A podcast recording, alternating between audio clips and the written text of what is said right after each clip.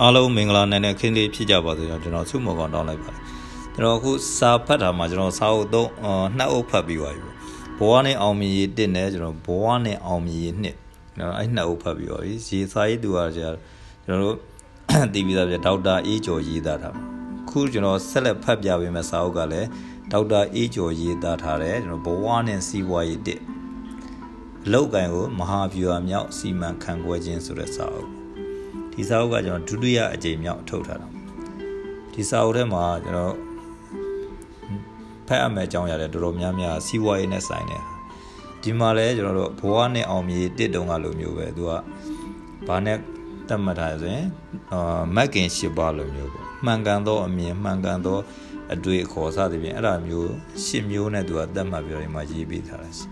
တော့ပထမဆုံးအခန်းမှာမှန်ကန်သောအမြင်အဲ့ရနေစဖတ်ကြည့်မှန်ကန်သောအမြင် ဒနာဗန်တိုက်ကိုဖွင့်လှစ်လိုက်တော့2019ခုနှစ်စီးပွားရေးနိုဘယ်ဆုကြီးဒါကျွန်တော်ခေါင်းစဉ်ပေါ့ဒီမှာတော့မာတိကာလေးဒီမှာမပါโอเคအဲ့တော့ဒီမှာဒနာဗန်တိုက်ကိုဖွင့်လှစ်လိုက်တော့2019ခုနှစ်စီးပွားရေးနိုဘယ်ဆုကြီးအဲ့နဲ့စပတ်ကြအဲ့တော့2019ခုနှစ်ဟာကမ္ဘာသမိုင်းမှာအင်မတန်ထူးခြားတဲ့နှစ်ဖြစ်ပါတယ်ကမ္ဘာပေါ်မှာအကြီးကျယ်ဆုံးဘာသာရေးကြီးနှစ်ခုဖြစ်တဲ့စိတ်ပညာနဲ့စီးပွားရေးပညာတို့တရားဝင်လက်ထပ်ထိမ်းမြားခဲ့တဲ့နှစ်ဖြစ်လို့ပါပဲ အကြောင်းကတော့2019ခုနှစ်စီးပွားရေးနိုဘယ်ဆုကြီးကိုစီးပွားရေးဆိုင်ရာစိတ်ပညာရှင်ကြီး Richard Thaler နဲ့အဖွဲ့ကိုထိုက်ထိုက်တန်တန်ချီးမြှင့်လိုက်ခြင်းပဲဖြစ်ပါတယ်။စီးပွားရေးနဲ့ပတ်သက်ပြီးတော့နေ့စဉ်ဈေးဝယ်တာကအစစိတ်နဲ့ရှုမြင်သုံးသက်ဆုံးဖြတ်ပြီးမှလှုပ်ဆောင်ကြရတယ်ဆိုတာလူတိုင်းနားလေသဘောပေါက်ကြပြီဖြစ်ပါတယ်။ဘောဂဗေဒရဲ့ဖခင်ကြီးအဒန်စမစ်ကိုယ်တိုင်စိတ်ခံစားချက်နဲ့စီးပွားရေးလှုပ်ဆောင်ချက်တွေရဲ့ ဆက်ဆက်မှုကိုရှင်းပြခဲ့ပူပါတယ်ဒါပေမဲ့အကြောင်းမျိုးမျိုးကြောင့်စီးပွားရေးဘာသာရပ်တွေမှာဘောဂဗေဒနဲ့စီမံခန့်ခွဲရေး theory တွေဗန္ဒာရေးကိန်းကနန်းတွေသိပ္ပံနည်းပညာနဲ့ရုပ်ဝတ္ထုပစ္စည်းဆိုင်ရာတွေကသာအစဉ်အဆက်လွှမ်းမိုးခဲ့ကြပြီးစိတ်ရအခန်းကဏ္ဍဟာမေးမိန်ခဲ့ရပါတယ်အခုခါမှာတော့စီးပွားရေးဆိုင်ရာစိတ်ပညာရှင်ကြီးတွေဟာဘောဂဗေဒနယ်ပယ်မှာကန္တာတစ်တစ်ခုကိုဖွင့်လှစ်နိုင်ခဲ့ပြီဖြစ်ပါတယ်လူသားတွေရဲ့ အတွေးအမြင်အပြုမူတည်သာလျင်ဥစ္စာဒနာတို့ရဲ့ပရာဏဖန်တီးခြင်းဖြစ်တယ်ဆိုတာကိုစီးပွားရေးပညာရှင်တိုင်းလက်ခံလာကြပြီဖြစ်ပါတယ်ဒီကဒီမှာပြောချင်တာကကျွန်တော်စီးပွားရေးမှာစိတ်နဲ့စီးပွားရေးနဲ့ဆက်ဆက်နေတယ်ကိုအဓိကပြောချင်2019ခုနှစ်မှာ Nobel ဆုရခဲ့တဲ့သူကစိတ်ပညာနဲ့စီးပွားရေးပညာမှာကျွမ်းကျင်တဲ့ Richard Thaler နဲ့အဖွဲ့သူတို့အဖွဲ့ကကျွန်တော်စီးပွားရေးဆိုင်ရာ နိုဘယ်ဆုကြီးရရှိခဲ့တာဒါကြောင့်ခုနောက်ပိုင်းမှာကျွန်တော်စီးပွားရေးတစ်ခုလုပ်မယ်ဆိုရင်စိတ်ပိုင်းဆိုင်ရာနဲ့တွဲဆက်ပြီးတော့လူတွေကလေ့လာကြရတာဖြစ်ဥစ္စာရဏနဲ့ပတ်သက်သောဒသနကိုစမ်းစစ်ခြင်းလူတိုင်းဟာဥစ္စာရဏချမ်းသာကြချမ်းသာခြင်းကြပေမဲ့ဝိညာဉ်ထဲမှာအမြင့်တွယ်နေတဲ့မှားယွင်းတဲ့ယူဆချက်ဒသနတွေကပဲဒီစန္ဒတွေ မနိုးထနိုင်အောင်ဟန်တာထားကြပါတယ်ဒါကိုကျွန်တော်ရှေ့မှာပြောခဲ့သလိုပဲဘာလို့လဲ limiting belief လို့ခေါ်တာ limiting belief ကျွန်တော်တို့ကန့်သက်ထားတဲ့ယုံကြည်ချက်အမှားတွေရှိအဲ့ဒါတွေကြောင့်ကျွန်တော်တို့ကချမ်းသာခြင်းပဲမချမ်းသာကြတာအဲ့အဓိကအကြဆုံးဒသနာနှစ်ခုပဲရွေးချယ်ပြီးတော့ဖော်ပြရမယ်ဆိုရင်နံပါတ်1ဒသနာပါလဲဆိုငွေကြေးအရင်းနှီးနဲ့သက်ဆိုင်သောဒသနာငွေကြေးအရင်းနှီးနဲ့သက်ဆိုင်တဲ့ဒသနာဒီမှာဘာတွေပါမလဲ ကြီးပွားချမ်းသာဖို့ငွေကြေးအရင်းနှီးအများကြီးလိုအပ်တယ်ငါမှငွေကြေးအရင်းနှီးအများကြီးမရှိဘူးဒါကြောင့်ငါမချမ်းသာနိုင်ဘူးဒါတဆင်ချင်းသွားတော့တော့ကြီးပွားကျွန်တော်ဘယ်လိုထင်လဲဆိုတော့ကြီးပွားချမ်းသာဖို့တော့ကစီးပွားရေးလုပ်ဖို့ဆိုရင်ငွေကြေးအရင်းနှီးတွေအများကြီးလိုအပ်တယ်ကို့မှလည်းအဲ့လောက်ထိမရှိဘူးအဲ့တော့ကိုကမချမ်းသာနိုင်ဘူးအဲ့လိုတွေးထင်သွားတာနံပါတ်2ကဘာလဲဆိုတော့အုံနောက်ညံရည်နဲ့သက်ဆိုင်သောတဒနာဒါကတော့အုံနောက်ကိုယ့်ရဲ့စွမ်းရည်နဲ့ဆိုင်တယ် ကြီးပွားချမ်းသာဖို့ဆိုရင်အုံနောက်ညံရဲ့ရန်ကောင်းဖို့လိုအပ်တယ်ငါဥနောက်ကအာငါဥနောက်ညံအရန်မကောင်းဘူးဒါကြောင့်ငါမချမ်းသာနိုင်ဘူးအဲ့တော့ဘာဖြစ်လဲဆိုရင်ကြီးပွားချမ်းသာဖို့ဆိုရင်ဥနောက်အရန်ကောင်းဖို့လိုအပ်တယ်ညံကောင်းဖို့လိုအပ်တယ်လို့ထင်ကြအဲ့လိုထင်တဲ့တော့ကြောင့်ကိုကလည်းအဲ့လောက်ထိညံမကောင်းဘူးအဲ့တော့ကိုကမချမ်းသာနိုင်ဘူးအဲ့နှစ်ချက်ကြောင့်ပဲလူတွေကချမ်းသာတဲ့တော့ဖြစ်တဲ့တော့မဖြစ်ဘဲနဲ့ဆင်းရဲနေကြတာโอเคပထမကျွန်တော်ငွေကြေးအရင်ကြီး အများကြီးရှိမှချမ်းသာနိုင်မယ်လို့ထင်ကြနောက်တစ်ချက်ကဉာဏ်ကောင်းမှချမ်းသာနိုင်မယ်လို့ထင်ကြကဲဒီနှစ်ချက်ကြောင့်ပဲကျွန်တော်တို့ဘာလို့လဲဆင်းရဲနေကြတာပထမဆုံးအနေနဲ့ငွေကြေးရင်းနှီးအများကြီးရှိမှချမ်းသာနိုင်မယ်ဆိုတဲ့အယူဆမှန်မှန်ကို2019ခုနှစ်ကမ္ဘာအချမ်းသာဆုံးလူသား10ဦးရဲ့စီးပွားရေးဘဝစတင်ခဲ့ပုံကိုလေ့လာစမ်းစစ်ပြီးတော့ကောက်ချက်ဆွဲကြရမှာဖြစ်ပါတယ်။အဲတော့ ပထမဆုံးတဒနာဖြစ်တဲ့ငွေကြေးအရင်းအနှီးတွေအများကြီးရှိမှချမ်းသာမယ်လို့ကျွန်တော်တို့ယူဆချက်ကမှန်မမှန်ဆိုတာကမ္ဘာမှာချမ်းသာဆုံး2019ခုနှစ်2019ခုနှစ်ချမ်းသာဆုံးပုဂ္ဂိုလ်10ယောက်ကိုကျွန်တော်လေ့လာကြည့်အောင် Bill Gates Bill Gates ဆိုရင်လူတိုင်းသိကြပါ Bill Gates တော့ရှေ့နေတူရှေ့နေကြီးတူနဲ့ကျောင်းဆရာမတို့ကနေ Bill Gates ကိုမွေးဖွားခဲ့ပါလူလက်တန်းစားမိဘနှစ်ပါးဟာ Bill Gates ကိုယုံကြည်မှုရှိဖို့နဲ့ လောကလယ်မှာရဲဝံ့စွာရက်တီရှင်ပြန်နိုင်သောရှိဖို့ငယ်စဉ်ကတည်းကပြိုးထောင်လေ့ကျင့်ပေးခဲ့ကြပါကျောင်းသားဘဝမှာ Bill Gates ဟာကျောင်းလက်အိမ်စာတွေကိုပြည့်ပြီးတော့ကွန်ပျူတာတစ်လုံးနဲ့ပဲယူသက်နေခဲ့ပါတယ်။ဘေးကရ15နှစ်သားကလေးကစီးပွားရေးကိုစတင်လှုပ်ဆောင်ခဲ့ပါတငယ်ချင်းတူနဲ့ပေါင်းပြီးတော့ဝေးပြေးလမ်းပေါ်မှာသွားနေတဲ့ကားတွေကိုရေတွက်တဲ့ဆက်ကလေးကိုကွန်ပျူတာနည်းပညာသုံးပြီးတော့တီထွင်ရောင်းချခဲ့ကြပါဆက်ကလေးကအလုပ်ဖြစ်ပေမဲ့ ဈေးကွက်လိုအပ်ချက်ကိုမစမ်းစစ်ပဲကုန်ပစ္စည်းကိုအရင်ဖန်တီးခဲ့ကြတဲ့အတွက်ဒေါ်လာ3000ရှုံးခဲ့ပြီးတော့လုပ်ငန်းကိုရပ်ဆိုင်းခဲ့ကြပါတယ်ဘီဂေဟာဒီဖြစ်ရက်ကိုသင်ခန်းစာယူပြီးတော့သူတသက်တာလုံးမှာဈေးကွက်ကိုအရင်သုံးသပ်ပြီးမှကုန်ပစ္စည်းကိုစမ်းစစ်ဖန်တီးခဲ့တဲ့အတွက်အခုလိုရွယ်ကြီးပွားခဲ့တာဖြစ်ပါတယ်။ဒါကြောင့်စီမံစီဝါစီမံခန့်ခွဲပညာရဲ့ဖခင်ကြီးပီတာဒရက်ကာက စီးပွားရေးအဖွဲ့အစည်းတစ်ခုမှာအခြေခံအလုပ်နှစ်လုပ်ပဲရှိပါတယ်။ဈေးကွက်စီမံခန့်ခွဲရေး marketing နဲ့စမ်းသစ်ဖန်တီးခြင်း innovation တို့ပဲဖြစ်ပြီးတော့ဒီနှစ်ရက်ပေါင်းစပ်မှရလဒ်ကောင်းထွက်မယ်လို့သူ့ရဲ့အခြေခံတသနာကိုမိတ်ဆိုခဲ့ပါတယ်ဈေးကွက်စီမံခန့်ခွဲရေးနဲ့ကျွန်တော်စမ်းစစ်ဖန်တီးခြင်းအဲ့နှစ်ခုပေါင်းမှသာရင်ကောင်းမွန်တဲ့ရလဒ်ဖြစ်လာတယ်အဓိကဆိုလို့ကျရင်ကျွန်တော်တို့ပစ္စည်းတခုအထုတ်မယ်ဆိုရင်ဈေးကွက်ကိုအရင်လေ့လာလူတွေဘာတွေလိုအပ်လဲ လူတွေရဲ့လိုအပ်ချက်နဲ့ကိုက်ညီတဲ့ပစ္စည်းတခုကိုကျွန်တော်ရောင်းဖန်တီးပြီးရောင်းချနိုင်မယ်ဆိုရင်ကြီးပွားချမ်းသာဖို့ခွင့်လန်းပိုများတာဒါကြောင့်ကျွန်တော်တခုထုတ်မယ်ဆိုရင်ကိုရောင်းနေတာမရောင်းမယ်နဲ့လူတွေရဲ့လိုအပ်ချက်ကိုရှာဖွေပြီးတော့မှရောင်းမယ်ဆိုရင်ကိုအတွက်ပို့ပြီးတော့လုပ်ဖြစ်တယ်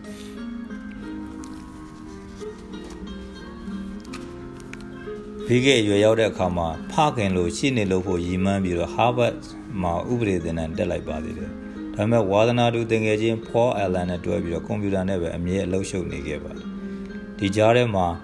MITS ကုမ္ပဏီကကွန်ပျူတာအသေးလေးတွေစထုတ်တော့မယ်ဆိုတဲ့သတင်းကိုမဂ္ဂဇင်းမှာ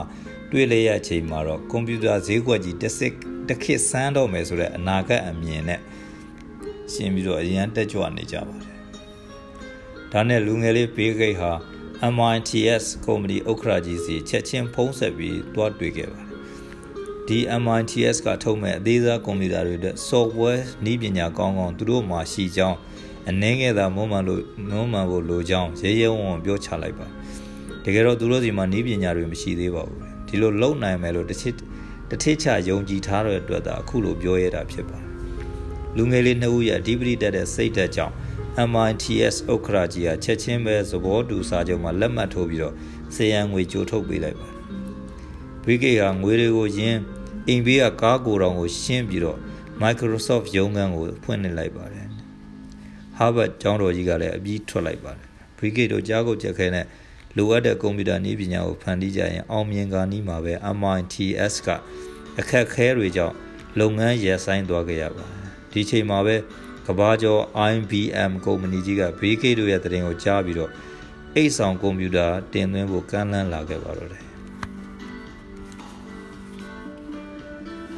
IBM ကလိုချင်တဲ့နည်းပညာ operating system ကိုအချိန်ကိုက်ဖန်တီးပေးနိုင်ဖို့အရန်အသစ်မဖြစ်သေးတဲ့အခါမှာဘေးဂိတ်ဟာဈေးကွက်ထဲမှာနှီးဆက်ဆုံးနှီးပညာဆိုင်ရာပစ္စည်းတွေကိုအသေးအံရှာဝယ်ခဲ့ပါဒီလိုနဲ့ပဲမထင်ရှားတဲ့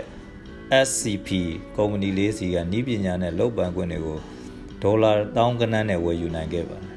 ဒါတော့မိသားစုပိုင်ငွေကြေးအလုံးကိုရှာဖွေပေါင်းစုပြီးတော့အရေးကြပေးခဲ့ရတာပါဒီနှီးပညာကိုပဲ IBM ကလိုချင်တဲ့ပုံစံကွက်တီဖြစ်အောင်အနေငယ်မွမ်းမှန်ပြီးတော့ဒေါ်လာတန်းချီတဲ့ဈေးနဲ့ပြန်လဲရောင်းချခဲ့ဒီလိုရောင်းချရမှာလဲ Bill Gates ကနောက်တစ်ချိန်မှာ IBM ကုမ္ပဏီကိုတူးပါပြီးတော့ကွန်ပျူတာကုမ္ပဏီတွေမှုလိုပေါက်လာမှာကိုကြိုမြင်ခဲ့ပါဒါကြောင့် IBM နဲ့စာချုပ်ချုပ်တဲ့အခါမှာဖခင်ရှေ့နေကြီးနဲ့တိုင်ပင်ပြီးတော့သူ့ရဲ့နီးပညာကို ms.dos အမည်နဲ့ဘယ်ကုမ္ပဏီကိုမဆိုရောင်းချခွင့်ပေးရမယ်ဆိုတဲ့အချက်ကို ချက်ကိုပါထည့်သွင်းချုပ်ဆိုခဲ့သူနီးပညာကိုလည်းဘယ်သူမှတူပါလို့မရအောင်မူပိုင်ခွင့်တင်လိုက်ပါသေးတယ်အဲ့ဒီအချိန်တုန်းကလည်းနောက်တစ်ချိန်မှာကွန်ပျူတာဈေးကွက်ကြီးအခုလိုဖြစ်လာမှာကိုဘယ်သူမှကြိုးမပြင်းနိုင်ခဲ့တဲ့အတွက်ဒီလုတ်ပိုင်ခွင့်အားလုံးကိုဘီဂိတ်ကအလွယ်တကူပဲရရှိခဲ့ပါတယ်မကြာမီမှာပဲဘီဂိတ်ရဲ့အနာဂတ်အမြင် vision အတိုင်း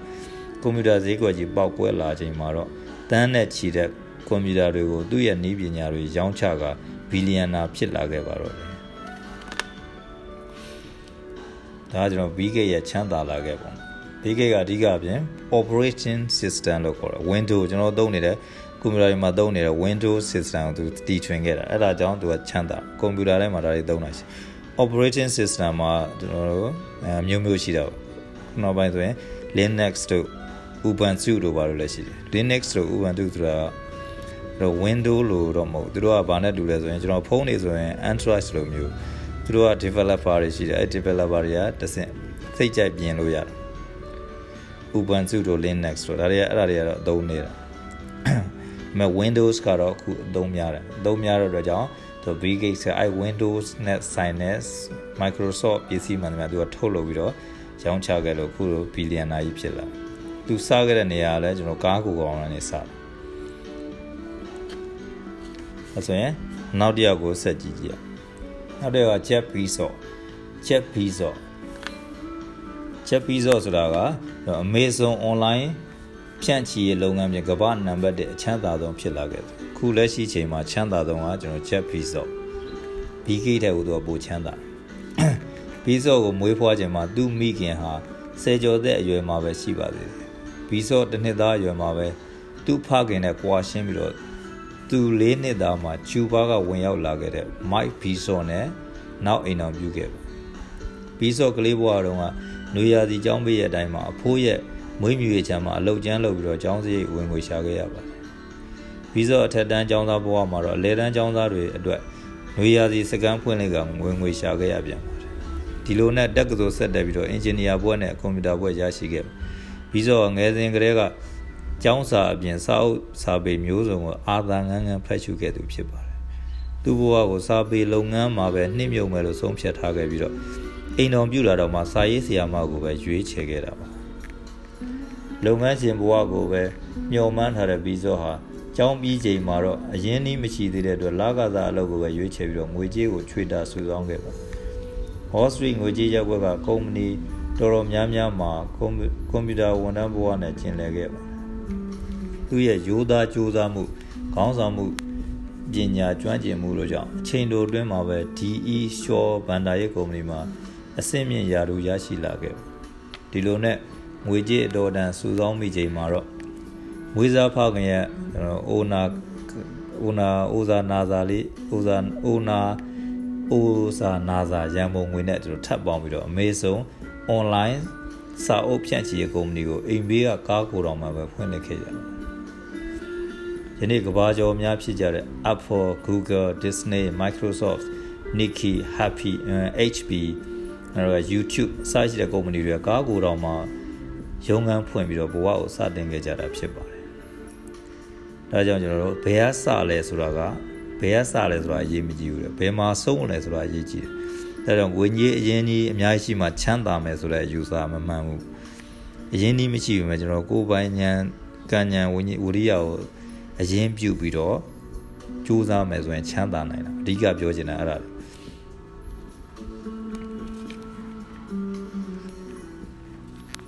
okay တော့နောက်တစ်ယောက်ကဘယ်သူလဲဆိုရင် Warren Buffett Warren Buffett Warren Buffett ကလွတ်တော် Warren Buffett ဆိုတာကခုကမ္ဘာမှာအချမ်းသာဆုံးပုဂ္ဂိုလ်တွေထဲမှာပါ Warren Buffett ဟာလွတ်တော်အမတ်နဲ့အင်တော်ရှင်မတို့ရဲ့တဦးရီတော်သားဖြစ်ပါတယ် အသက်9နှစ်မှာစာကြီးတိုက်ကနေဒေါ်လာ1000ရရှိဖို့နီလန်း1000ဆိုတဲ့စာအုပ်ကိုငှားရမ်းဖတ်ရှုခဲ့ပါပြီးတော့စာအုပ်ထဲကနီလန်းတွေကိုတစ်ခုပြီးတစ်ခုအကောင့်ထဲပေါ်ပါတော့တယ်ပထမဆုံးမုံဘိုးရတဲ့ငွေတွေကိုစုဆောင်းပြီးတော့ကိုကာကိုလာစားစရာတွေနဲ့ဂျာနယ်တွေကိုတိန်တက်တိန်စင်တကားခောက်ပြီးလိုက်လံရောင်းချပါတော့တယ်နွေရာသီကျောင်းပိရက်မှာတော့အဖိုးရဲ့အကုန်းဆိုင်မှာအလုတ်လုပ်ပြီးတော့ငွေရှာပြန်ပါတယ်အရင်နည်းနည်းငယ်စုဆောင်းမိချိန်မှာတော့ သတင်းစာပုတ်ကိုယ်စလဲကောက်သီးနဲ့တစိမ့်ခေါင်းအယောင်းဝယ်စတဲ့နီလန်းတထောင်စာအုပ်ကလုံနိုင်သမျှတွေကိုတစ်ခုပြီးတစ်ခုလုပ်ပါတော့တယ်ဒီကြားထဲမှာပဲ stock share ပွဲစားလုပ်နေတဲ့ဖခင်ဖြစ်သူရဲ့ရုံးခန်းကိုသွားလဲပြီးတော့ share အယောင်းဝယ်အတတ်ပညာကိုလေ့လာခဲ့ Warren Buffett အသက်17နှစ်အရွယ်မှာမြို့တော်ဝန်ဆောင်မှုလုပ်ငန်းရဲ့ share 30 3ဆောင်ကိုတစ်ဆောင်38ဒေါ်လာဈေးနဲ့ဝယ်ယူပြီးတော့ယင်းနှီးမြုပ်နှံမှုလုပ်ငန်းကိုစတင်ခဲ့ ရက်ပိုင်းအတွင်းမှာပဲ share တွေ28ဒေါ်လာထိဈေးကျသွားတော့ကလေးဘီဘီစိတ်ညစ်သွားခဲ့ရပါဒါပေမဲ့ဖခင်အကြံပေးတဲ့အတိုင်းစောင့်ဆိုင်ပြီးတော့ဒေါ်လာ40ထိဈေးတက်သွားချိန်မှာပျော်ပျော်ပါးပါးနဲ့ရောင်းချလိုက်ပါဒါပေမဲ့နှစ်နှင်းငယ်အတွင်းမှာပဲတရှိရာကို300ဒေါ်လာထိဈေးတက်သွားကြောင်းကြားလိုက်ရတော့နှမျိုးတတာဖြစ်ရပြန်ပါ Warren Buffett ဟာဒီကလေးဘဝအသင်္ကန်းစာကိုပဲတစ်သက်လုံးဆွဲမှတ်ထားပြီးတော့ယင်းနှီးမြုပ်နှံမှုတိုင်းမှာ စိတ်ရှည်စွာစောင့်စားလုပ်ကင်နေတဲ့အတွက်အထူးအောင်မြင်ခဲ့တာဖြစ်ပါတယ်။ဒါကြောင့်တော့စူးစကားရှိတယ်ပါလဲဆိုရင် Warren Buffett လို့ယင်းနှီးမြုပ်နှံပါ Warren Buffett ကသူကိုယ်တိုင်စီးပွားရေးလုပ်တာမသူကအောင်မြင်ပြီးသားစီးပွားရေးလုပ်ငန်းတွေကိုသူကလိုက်ပြီးတော့ share တွေဝယ်ပြီး share လိုက်ထည့်တာအဲ့ဒါနေမှသူကပို့ပြီးတော့ချမ်းသာလာဒီလိုနဲ့ဖခင်ဖြစ်သူဟာလွတ်တော်အမတ်ရွေးခံပြီးတော့ဗာဂျီးနီးယားကိုပြောင်းရွှေ့သွားပြီမဲ့ရှေးယာအယောင်းဝယ်ကိုကိုယ်တိုင် ဆုံးဖြတ်ပြီးတော့ဆက်လက်လုပ်ကိုင်ခဲ့ပါစီးပွားရေးတက္ကသိုလ်မှာစာပေစီးပူးရာမှာလည်းတခြားကျောင်းသားတွေလိုဘွဲရဖို့လေ့လာနေတာမျိုးမဟုတ်လက်ဘွဲရဖို့လေ့လာနေတာမျိုးမဟုတ်ဘဲနဲ့ပညာရဖို့အတွက်ပေါမောက္ခဆရာကြီးတွေဒီမှာအနိကစီးပူးလေ့လာခဲ့အထူးသဖြင့်ယင်းနှီးမြုပ်နှံမှုပညာရှင်ဘန်ဂျမင်ဂရေဟန်ကိုချီးကပ်ပြီးတော့ရှေးရအယောင်းဝင်နဲ့ပတ်သက်တဲ့ theory တွေကိုအသေးစိတ်သင်ယူခဲ့ပါတယ်။ Warren Buffett ဟာ တစ်ဖက်ကလည်း theory တွေကိုလက်တွေ့စမ်းသပ်ပြီးတော့ရှေးရရောင်းဝယ်ရမှာအသုံးချခဲ့ပါဒီလိုစာတွေ့လက်တွေ့ပေါင်းဆက်နိုင်ခဲ့တဲ့အတွက် Warren Buffett အသက်20မှာပဲဒေါ်လာ1000ထိစုဆောင်းနိုင်ခဲ့ပါကျောင်းပြီးသွားချိန်မှာလည်းသူ့ဆရာ Graham တီထောင်ခဲ့တဲ့ရင်းနှီးမြုပ်နှံမှုကုမ္ပဏီမှာလာကစားဝင်လုပ်ပြီးတော့ပညာထပ်ယူပြန်ပါတယ်သူ့ဆရာဟာအင်မတန်ဆက်ဆံရခက်သူဖြစ်ပေမဲ့ တလဒေါ်လာ1000နဲ့ပဲတီးခံပြီးတော့9နှစ်လောက်ပညာသင်ယူခဲ့ပါသူ့ဆရာကုမ္ပဏီပြတ်သွားချိန်မှာ1956ခုနှစ်ရောက်မှာ Buffett အစုအစုအဆက်လုပ်ငန်းကုမ္ပဏီကိုစတင်တည်ထောင်ခဲ့ပါတယ်။တစ်ချိန်တော့ကိုကာကိုလာတွေလက်တွေ့လက်ပွေရောင်းချပြီးတော့ဘဝကိုစတင်ခဲ့တဲ့ကောင်လေးတူဟာအခုခါမှာတော့ကိုကာကိုလာကုမ္ပဏီရဲ့ထိပ်သီးရှယ်ယာပိုင်ရှင်ကြီးဖြစ်လာခဲ့ပါတော့တယ်အဲကျွန်တော် Warren Buffett ရဲ့ ချမ်းသာလာခဲ့ပုံသူ့မှာရင်းနှီးအများကြီးရှိတာမဟုတ်ရှိတဲ့အားလေးနဲ့ချက်ရွှေချာပွေစုဆောင်ပြီးတော့ရင်းနှီးမြုပ်နိုင်တဲ့တဖြည်းဖြည်းနဲ့ကမ္ဘာအချမ်းသာဆုံးဖြစ်လာတာ။ကဲအဲ့တော့ကျွန်တော်ဒီနေ့ကဒီလောက်ပေါ့ကျန်တဲ့တထေးကြီးတွေရဲ့ကျန်တဲ့လုပ်ငန်းရှင်တွေရဲ့အကြောင်းကိုကျွန်တော်နောက်ရက်မှာဆက်လက်ဖတ်ပြ။နောက်မှာဘယ်သူတွေကျန်တော့ဇကာဘတ်တို့ Ortega တို့ Zara Fashion ရဲ့ပိုင်ရှင်တွေရှိတယ်။နောက်တော့ Carlos Slim တို့ Kelly Aston တို့စသဖြင့်ကျွန်တော်တို့ကဘာမွာကဘာကျော်ပုဂ္ဂိုလ်ကြီးတွေရဲ့အကြောင်းကိုနောက်မှဆက်လက်ဖတ်ပြ။ Okay ဒီနေ့ကဒီလောက်ပါအဲ့တော့ကျွန်တော်တို့ဒီနေ့ကဒီလောက်ပဲဖြစ်တော့ကျန်တာတွေတော့နောက်မှဆက်ဖတ်ပြီးမှဖြစ်လို့ကြောင့်အားလုံးကျမ်းမှာချမ်းသာစွာနဲ့သက်သာသက်သာနေကြကြပါလို့သက်သာသက်သာနေနိုင်ကြပါသေးလို့ဆုတောင်းရင်လည်းကျွန်တော်ဒီမှာပဲအားလုံးနောက်တစ်ခါမှပြန်ဆုံကြ